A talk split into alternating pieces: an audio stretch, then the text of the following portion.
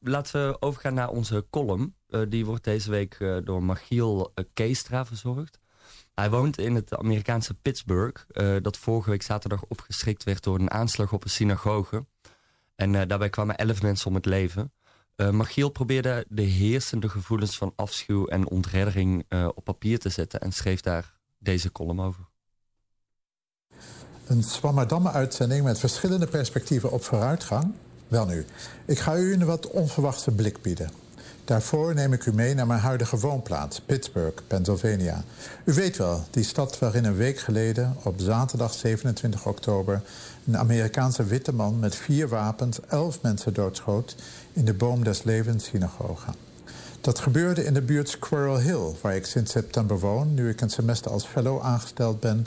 bij het Center for Philosophy of Science aan de Universiteit van Pittsburgh. Die zwaar getroffen synagoge staat in een straat waar ik regelmatig doorheen jog... en winkels bezoek en op een paar afstand, blokken afstand van de andere synagogen die ik wel bezocht heb.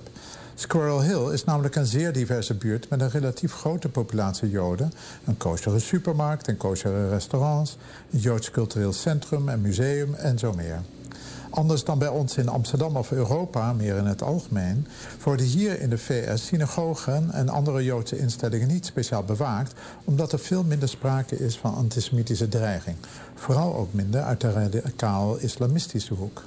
Sinds de jaren 50 zijn er volgens Wikipedia zo'n 20 antisemitische aanslagen in de VS gepleegd... met dodelijke afloop voor in totaal zo'n 20 personen... waarvan 11 alleen vorige week al in Pittsburgh. De meeste van die aanslagen werden door Amerikaanse mannen... uit de white nationalist of rechtsextremistische hoek gepleegd... en slechts enkele door islamisten.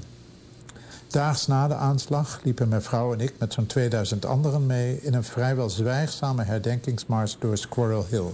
die eigenlijk ongewild ook veranderde in een protestmars tegen president Trump... Immers, de overtuiging van velen, inclusief die van ons... is dat diens anti-immigratiepolitiek, diens xenofobie... diens nationalistische en racistische uitspraken...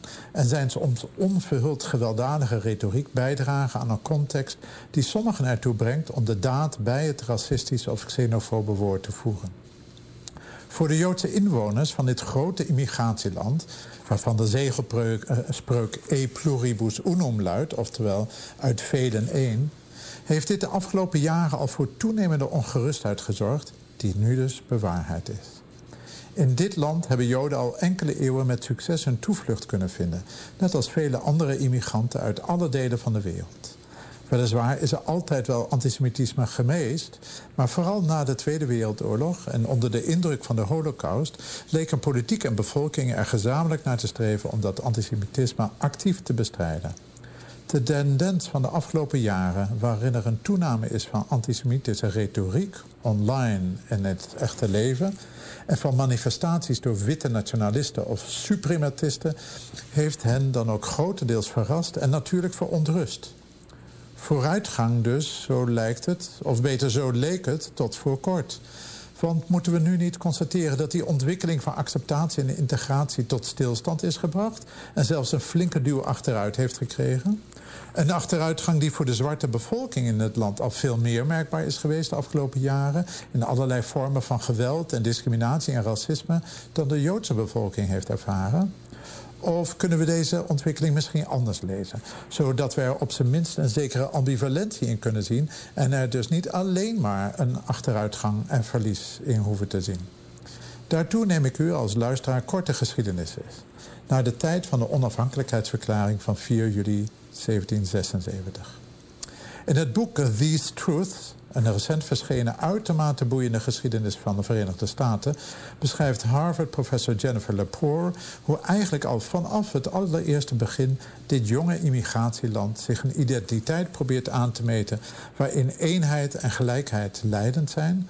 terwijl het land tegelijkertijd zijn ontstaan en ontwikkeling te danken heeft... aan racisme, uitbuiting en slavernij. De onafhankelijkheidsverklaring, nog deels geïnspireerd door Nederlandse voorgangers, begint immers met de woorden: We hold these truths to be self-evident that all men are created equal, that they are endowed by their creator with certain unalienable rights, and that among these are life, liberty, and the pursuit of happiness. Echter, ongeacht dit prachtige uitgangspunt vertoont de geschiedenis van Amerika een ander beeld. Vanaf de genocide op de oorspronkelijke bewoners, via de slavernij van miljoenen Afrikanen, tot aan de exploitatie van een significant deel van de zwarte bevolking in wat nu wel het gevangenis-industriële complex wordt genoemd en dat een soort voortzetting van de slavernij is gaan vormen. Het streven naar de verwerkelijking van die waarheid met principes als vrijheid en gelijkheid behoort desalniettemin tot het Amerikaanse DNA. En die gelijkheid, gelijkheid en vrijheid worden wel het vaakst genoemd in het Amerikaanse politieke en publieke debat. Met als opvallende uitzondering dan ook president Trump, die deze woorden vrijwel nooit in de mond neemt. Die twee principes hebben hier in Amerika hun uitwerking gevonden in een liberalisme dat zich vrijwel uitsluitend op individuen richt. Elk individu zou hier een gelijk recht en de vrijheid moeten hebben om zichzelf te manifesteren.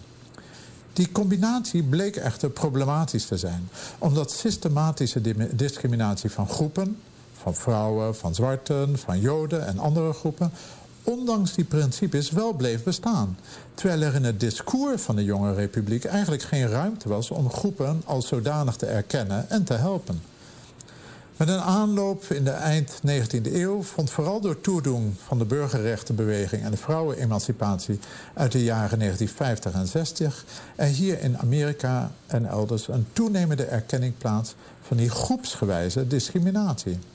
Waarop ook die, uh, waarop door vele nieuw opgerichte feministische, culturele, etnische en andere organisaties gewezen werd. Daarmee zijn er allerlei verschillen tussen individuen en groepen in het openbare leven manifest geworden, die er voorheen niet toe leken te doen, of die men zelfs liever niet zo zichtbaar zag in deze samenleving, die zich immers vooral als melting pot ziet. Een smeltpot waarin alle verschillen opgaan in een nieuwe gedeelde Amerikaanse identiteit. Echter, een van de gevolgen van die manifestatie van verschillen is dat langzamerhand ook de contouren van een groep zichtbaar werd die zichzelf als de stille meerderheid beschouwde en verwachtte dat anderen zich aan hem zou passen, aan zou passen. De groep die voor iedereen eigenlijk de norm vormde de groep van witte mannen. De groep waarvoor het niet nodig was om zichzelf te organiseren... om discriminatie en achterstelling aan te kaarten... omdat zij het juist relatief goed voor elkaar hadden. Naast deze manifestatie van groepen die kritiek hebben op de smeltpot-ideologie... is er dan ook nog eens de globale migratie. Een ontwikkeling die wereldwijd zijn impact heeft op meerderheidsgroepen. Daarmee wordt de groep van witte mannen zowel van binnenuit als van buitenaf geconfronteerd met anderen die voor hun rechten opkomen. Of dat nou gaat om rechten waarop zij als medeburgers al eeuwen moeten wachten, of om rechten die verbonden zijn met bijvoorbeeld de langdurige en vergaande Amerikaanse militaire, politiek en economische inmengen in bijvoorbeeld Latijns-Amerika de ongelijke verdeling van de macht en welvaart en van posities in ruimere zin wordt niet langer meer als vanzelfsprekend geaccepteerd. In zijn lezingen uit 1994 over de Fateful Triangle Race, Ethnicity, Nation beschrijft cultuursocioloog Stuart Hall al dat de globale migratie de bestaande culture wars in een totaal nieuwe context brengt. Net zoals de socioloog Manuel Castells een paar jaar later zal doen, voorspelt Stuart Hall dat door al deze ontwikkelingen een etnisch absolutisme wordt opgeroepen, waarmee een soort van conservatieve restauratie wordt nagestreefd. Groepen die zich bedreigd voelen in hun eerdere onaangetaste machtspositie, zullen actief gaan proberen de vroegere orde te herstellen, desnoods met geweld. Wanneer dus, een week geleden, een 46-jarige Pittsburgher.